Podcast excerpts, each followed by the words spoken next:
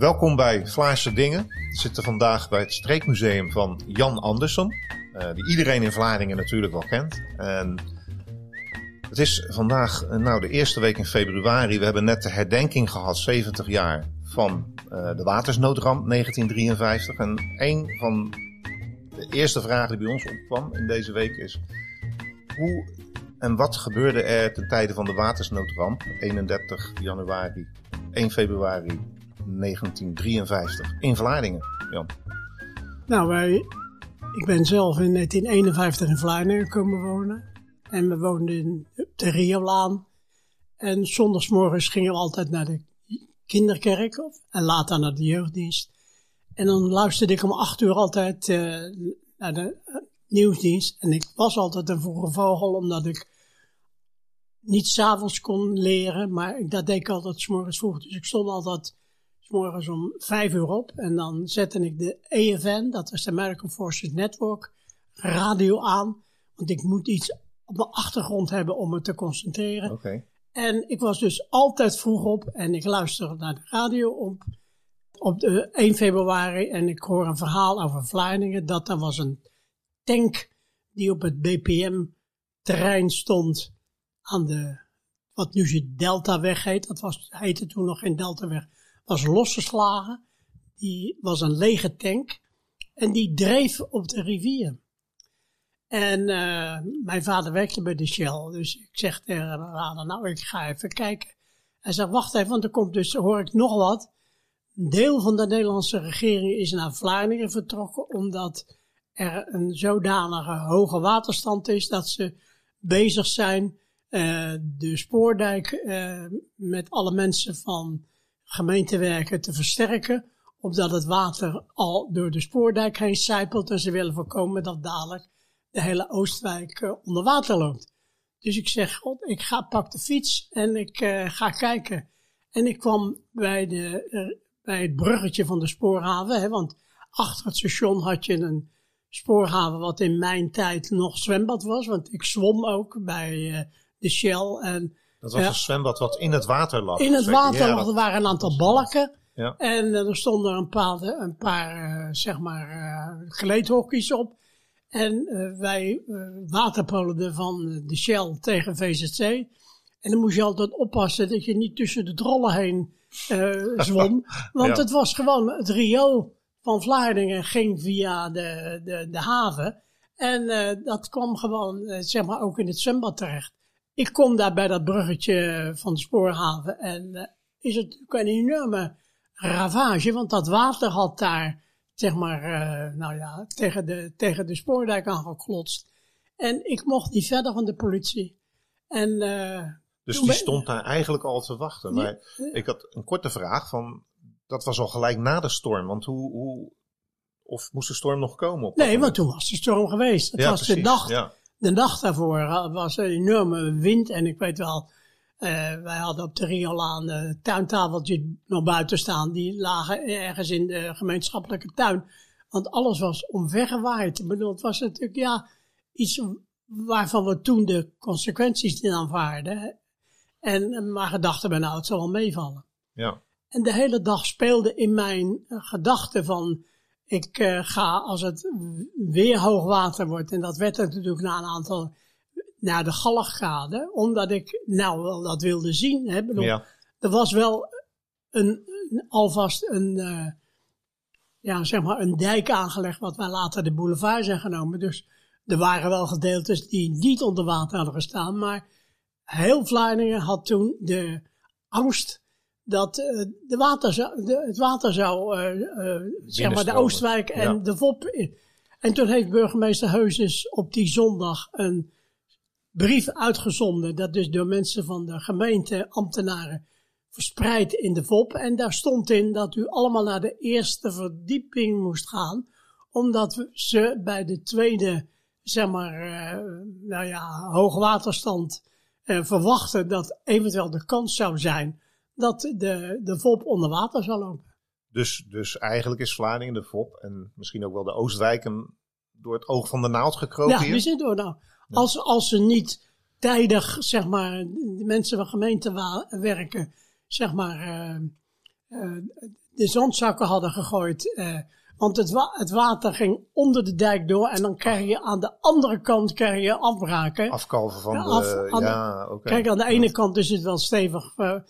En wat ook zo aardig was, ze hebben toen alle roeiboten die er waren gehaald bij, bij Oosterlee en bij uh, Schenkenveld. En die zijn neergelegd bij het ziekenhuis aan de Hofsingel. Omdat als er eventueel watersnood zou zijn, dat ze de patiënten van het ziekenhuis konden wegroeien in de boten. Wauw. Hey, en, en u bent er naartoe gegaan als uh, jongen, ja. zeg maar, en uh, werd tegengehouden door de politie.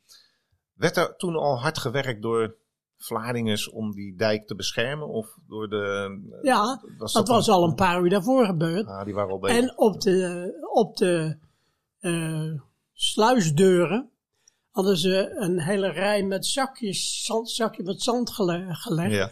Als het hoogwater zou worden, hoger als dat het geweest was, dan hadden ze in ieder geval, uh, als het water niet uh, via de sluisdeuren de polder ingelopen. En nu weten we natuurlijk, het gebeurt zelfs nu nog steeds dat er hoog water is en dat zeg maar uh, aan het hoofd en de West- en Oosthavenkade daar onder water lopen. Ja. Hoeveel, hoeveel hoger stond het toen? Ja, nou ja, meters hoger. Meters ja, nou ja, meters, laat ik zeggen, een meter hoger. Want ik bedoel, het heeft geen. als je nou weet dat de Lever Sunlight, die natuurlijk en super, want daar waar ik zelf werkte. Ja gewoon uh, alle lading die er stond en alle verpakking hebben moeten weggooien. Er is een half jaar lang zijn ze bij Leverseep zijn ze bezig geweest om alle fabrieken en alle uh, zeg maar magazijnen met verpakkingsmateriaal op te ruimen. Want het was natuurlijk één grote pestbende. Ja, aan de andere kant van de dijk. Ja, ja. ja, ja. En bijvoorbeeld bij de ESK lagen allemaal fosfaten in de loodsen. Dat is allemaal weggegooid. Wow. Want dat was nat geworden en kon je niet meer gebruiken om en wat ook aardig was, uh, wat dat er gaande, er was één Vlaamse uh, man die een zender had. Die, zat in de, die had een, een, een radiowinkel in de smalle Havenstraat. Waar nu de Griekse restaurant de Griekse restaurant, dat was een, een, man die had een, een zender. En die heeft in de, in de loop van de, van de zondag contact gehad met een zender in uh, Zierikzee. En zo hebben ze de eerste dagen hebben ze vanuit Vlaardingen met Zierikzee contact gehad en daarmee uh, uh, gehoord hoe ellendig het was. En ik weet nog, smiddags om vijf uur was er, uh, hadden we nog steeds geen idee hoe erg het was. Maar toen was er een uitzending van de, van de VARA. Die had toen zo'n radio-uitzending na de sport. En daar ging een man, was in een vliegtuig van de KLM gekropen, Arie van Nierop. En die vertelde dat overal waar die keek uh, stond water. En dat was middags om een uur of vier. Ik bedoel, we hadden niet het idee. Ik dacht dat dat alleen Vlaanderen En daarom is Vlaanderen nooit meer in beeld gekomen. En ook niet meer in de omroep. Omdat uh, toen waren er plekken in Nederland die, honderd keer erger waren. Want daar, daar, stond het water, zeg maar, echt een meter binnen in huis. En dan had ik nog een vraag. Want in het begin zei u dat de Nederlandse regering, een aantal vertegenwoordigers daarvan naar Vlaardingen kwamen? nee, de ministers zijn een aantal ministers, zijn ja, naar Vlaardingen geweest. En zij kwamen op die dag ook aan? Ja, nee, ze kwamen s'morgens, zondagsmorgens. Met uh, spoor of via... Nee, met de auto's. want de uh, die zijn, er zijn toen een aantal ministers uh, en, en, niet Drees, want daar heb ik toen wel naar gevraagd. Is, want Drees was toen uh, minister-president. Nee, die was, maar wel een aantal andere, uh, aantal andere ministers. En wat was precies hun, hun missie om Nou ja, om te kijken hoe erg het was. Want. Vlaardingen was de eerstgenoemdeste. En pas in de loop van de ochtend is ook Monster. Daar heb je ook zo'n, bij Terheide heb je ook een heel dun stukje duinen. Ja. En toen hebben ze met alle macht hebben ze die duinen bij bij Monster hebben ze uh, zeg maar versterkt. Omdat, uh, maar toen hadden we nog helemaal niet door hoe erg het was in Zeeland. Ja. Dat pas in de, in de loop van de middag, van zondagmiddag, is dat pas boven water gekomen.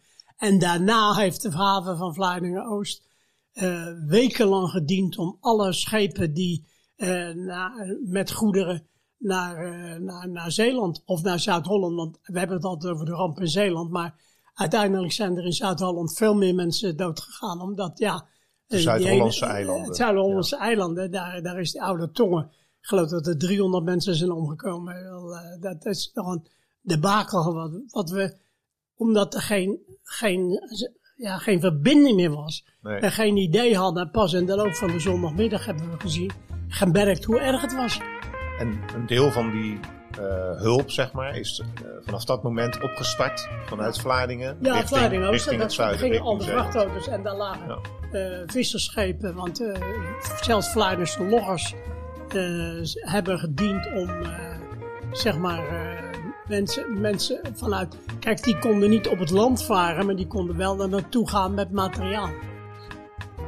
Het is zeer boeiend en heel interessant om te horen hoe Vlaardingen eh, er aan toe was op die trieste dag in eh, 1953.